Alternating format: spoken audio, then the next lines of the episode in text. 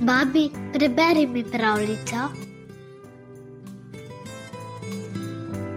Danes bom prebrala dansko pravljico o pogumnem čevljarju. Nekoč je živel čevljarski pomočnik. Sedel je na trinožniku in krpal stare čevlje. V hiši pa je brenčalo strahotno veliko muh. Zato je vzel krpo in začel klestiti po njih. Nekaj jih je res pobil, in ko je začel šteti, koliko jih je spravil s sveta, jih je naštel kakšnih trideset. Na to je bil tako ponosen, da je odšel k slikarju in mu velel, naj mu na hrbet napiše z zlatimi črkami: Jaz sem junak, samo zamahnem, pa jih pade najmanj trideset. Potlej se je vrnil k svojemu mojstru in mu rekel, naj mu da odpustnico, ker misli iti malo po svetu. Tako je v resnici odrinil po poti in prišel do ograje. Tam je legel in zaspal, ker je bilo ravno poleti in ob opoldanskem času. Ko je tako ležal in spal, se po cesti pripelje mimo kralj. Ozre se in zagleda nekaj svetlega na hrbtu človeka, ki leži pod cesto. Pogleda še bolj od blizu zlate črke in potem veli služabniku, naj stopi k spečemu in jih prebere. Služabnik je prebral s čevljarjevega hrbta, kakor je bilo na njem zapisano. Jaz sem junak, samo zamahnem, pa jih pade najmanj trideset. Zato si ga seveda ni upal prebuditi, temveč se je vrnil k kralju in mu povedal, da možakar spi in da si ga ne upa poklicati. Kralj je dotlej sedel, zdaj pa, ko je izvedel, da fant spi, je velel služabniku, naj gre nazaj in ga zbudi. Služabniku ni kazalo nič drugega, moral je zbrati ves pogum in ga zbuditi. Čevljar je na vso moč planil po konci in rekel: Kaj pa je takega? Oh, kralj bi tako po vsej sili rad govoril z njim, zato ga je prosil, naj bo tako dober in sede k njemu na voz in mu dela druščino. Čevljarju se je zazdelo kratkočasno. To je vse kaj drugega, kakor biti za pomočnika pri čevljarju. Zato mu je ustregel, ga pozdravil in sedel na voz. Kralj se je s tako velikim junakom hotel pogovoriti o divji zverini, ki se je priklatila v deželo. Reče se ji samorok in ima en sam, tri sežnje dolg rok na sredi čela. Pošast je pomorila že precej ljudi. Sicer ve, da je s takim junakom težko govoriti, a na vzlic vsemu bi ga rad prosil, bi ga rad prosil, naj se odpelje z njim domov in se spoprime z divjo zverino. No, to si lahko mislim, je dejal čevljar. Prišel je na dvor in zvečer sedel za kraljevo mizo. Ja, to je bilo čisto nekaj drugega, kakor biti za pomočnika pri čevljarju in mrlezgati tisto slabo hrano, ki jo je kuhala čevljarjeva žena. Drugi dan je sklenil oditi na poljano in spraviti samoroga spod nog. Kralj mu je rekel, naj vzame s seboj še nekaj ljudi, pa mu je čevljar odvrnil: Ne, še misliti ni na kaj takega. Nič pa nimam zoper to, če mi daš kaj denarja za sproti. Čisto lahko se namreč zgodi, da bo preteklo nekaj dni, preden se srečam z mrcino. Vzel je torej s seboj nekaj denarja in nekaj hlebcev kruha, sicer je pa sklenil pobegniti, ker si še malo ni upal stopiti na planjavo in se spoprijeti s samorogom. Tisti dan je bilo precej vroče, in ko je prišel gost, je sklenil ostati v njem, zakaj tu je bil lahko lepo v senci. Pa bi bilo res čudno, če bi tako naneslo, da bi tukaj naletel na samoroga, je dejal sam pri sebi. Vendar se mu je kakor nalašč zgodilo ravno to. Ko je prišel že precej daleč v gost, je samorok planil iz nekakšne goščave in se zapodil naravnost proti njemu. Čevljar si na hitroma ni znal drugače pomagati, kakor da se je rešil na drevo. Samorok pa mu je bil že tako za petami, da je fant v zadnjem trenutku odnesel življenje. Zverina se mu je mislila v svoji togoti zariti z rogom naravnost v trebuh. Ker pa se ji je še pravi čas umaknil, je s tako močjo zasadila rok v drevo, da ga sploh ni mogla več izruvati iz njega. Tako je torej samo rok obstal in stresal drevo, da se je čevljar komaj držal na njem. Mrcini pa so moči če dalje bolj pešale, in ko je čevljar videl, da se drevo sploh ne more izruvati, se je na zadnje le odločil in se začel spuščati.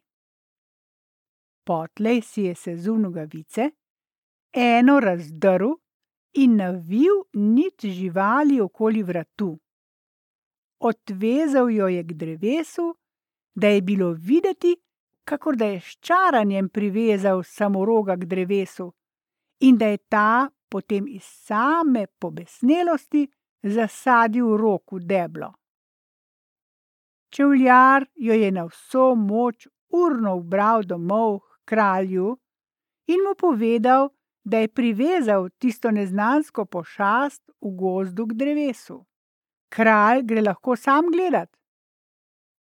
Kralj se je res odpravil z vsem dvorom v gost in si ogledal žival naložili so jo na voz, jo odpeljali v grad in zaprli v svinjak. O tem je šel glas po vsej deželi in nastalo je tako veselje, da mu ni bilo ne konca, ne kraja. Ljudje so imeli kratko malo bolj v časteh junaka, ki jih je rešil neznanske pošasti, kakor samega kralja. Čevljar je torej živel na dvoru in se mu je dobro godilo. Nisi bilo mogoče misliti boljšega. Ne, to je res čisto nekaj drugega, kakor prej, ko je bil za pomočnika pri čevljarju. Kadar je odšel po mestu na sprehod, so hoteli ljudje razbiti okna in raztreščiti vrata, samo da bi ga lahko videli, junaka, ki je storil več, kakor sam kralj v vsem svojem življenju.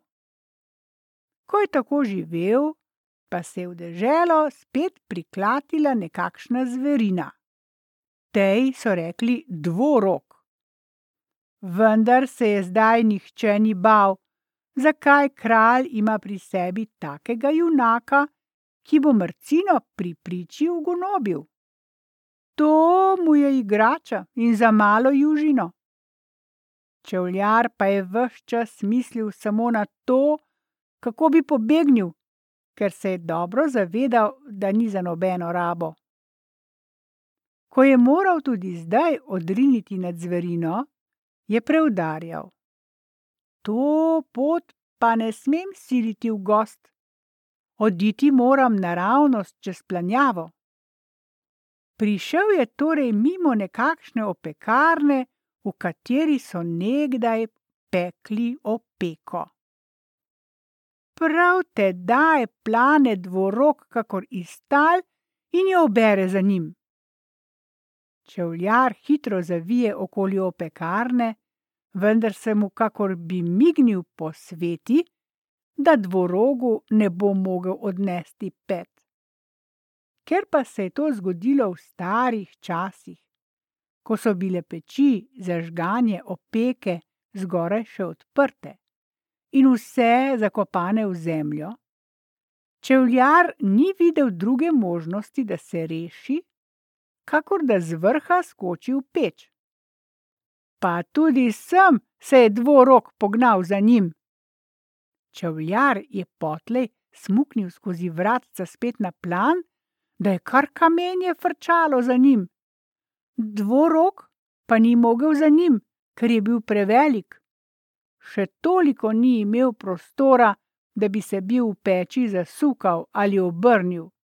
Zato je rjovel, da ga je bilo slišati ne vem koliko mil naokoli. Čevljar se je vrnil k kralju in mu povedal, da je vrgel dvoroga v peč na planjavi. Kralj naj si gre kar sam pogledat. In res se je kralj odpravil z vsem dvorom gledat zverino. Zverina pa se je medtem že tako in toliko napehala, da je poginila. Čevljarja so potlej imeli še veliko bolj v časteh. Ljudje so drli za njim, samo da bi videli junaka, ki je spet rešil kralja iz vode. In ni jim bilo mar, tudi če so si pri tem lomili roke in noge. Kralj se je že kar malo prevzel, ker je imel tolikšnega junaka na dvoru, saj se je zavedal, da z njim lahko napravi velike reči. In tako je res napovedal vojno drugemu kralju, ki je bil večji od njega. Sosednji kralj je imel veliko vojsko in spet bi moral čevljar na plan in se spoprijeti s sovražnikom. Kralj se je namreč samo nanj še lahko zanašal.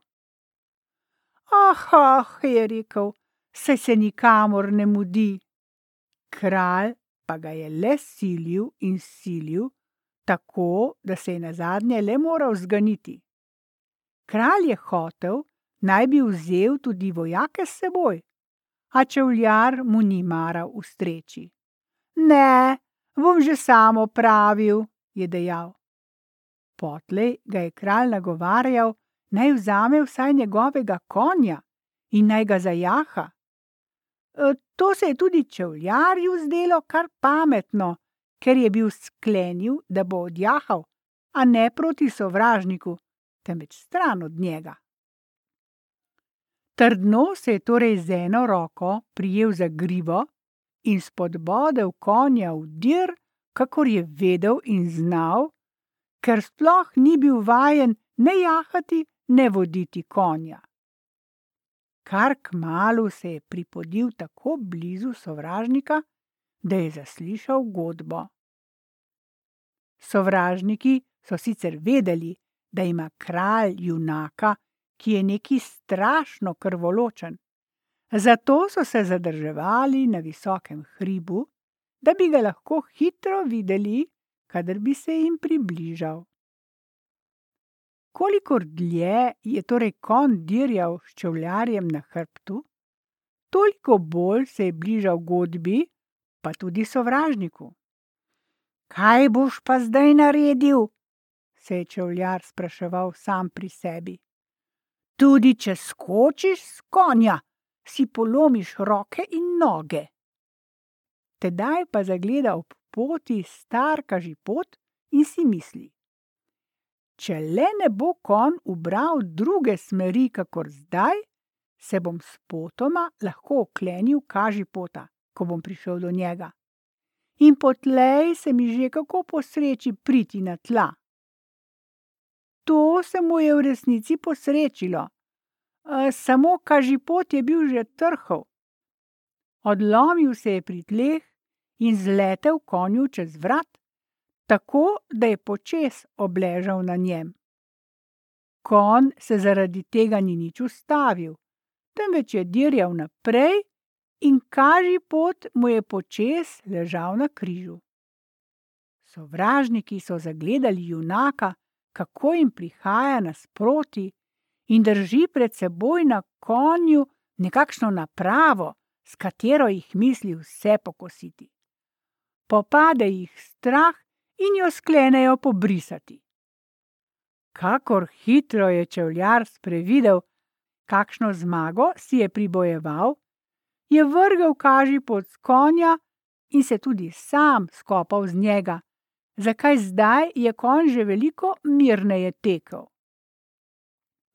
S konja se mu je sicer res posrečilo priti, zato pa se ni mogel nič več zavihteti nazaj nanj, ker sploh ni znal jahati. Tako je moral kratko in malo peš hoditi proti domu in vleči konja za seboj. Kralj in kraljica sta že odrinila z gradu, da bi videla, kaj počne njihov junak. In prišla sta mu naproti, ko se je vlekel proti domu. Ko ga je kraljica zagledala, je rekla: Se se vendar vrača peš? Oh, je dejal kralj, gotovo ima za seboj hudo bitko. Bila sta zelo radovedna, kako je potekel boj. In čevljar jima je povedal, da je pobil vse sovražnike do zadnjega in da je vse bojišče pokrito z mrliči. To ga je tako utrudilo in izčrpalo, da niti ni mogel več proti domu jahati, temveč je moral peš vleči konja za seboj. Kralj ga je torej prijel od ene strani za podpazduho, kraljica pa od druge, in tako sta ga na zadnje le varno spravila nazaj na dvor. Če mu niso ljudje že prej izkazali vseh časti, potlej so mu jih zdaj. Imeli so ga veliko bolj v čislih, kakor kralja, in govorili so samo o njem in o njegovih velikih junaštvih. Po tistem nikomur še na misel ni več prišlo, da bi si upal pokazati čevljarju še kakšno delo. Zato je samo mirno živel in se dobro imel in premišljeval. No, to je pa res precej drugače, kakor takrat, ko sem bil čevljarski pomočnik.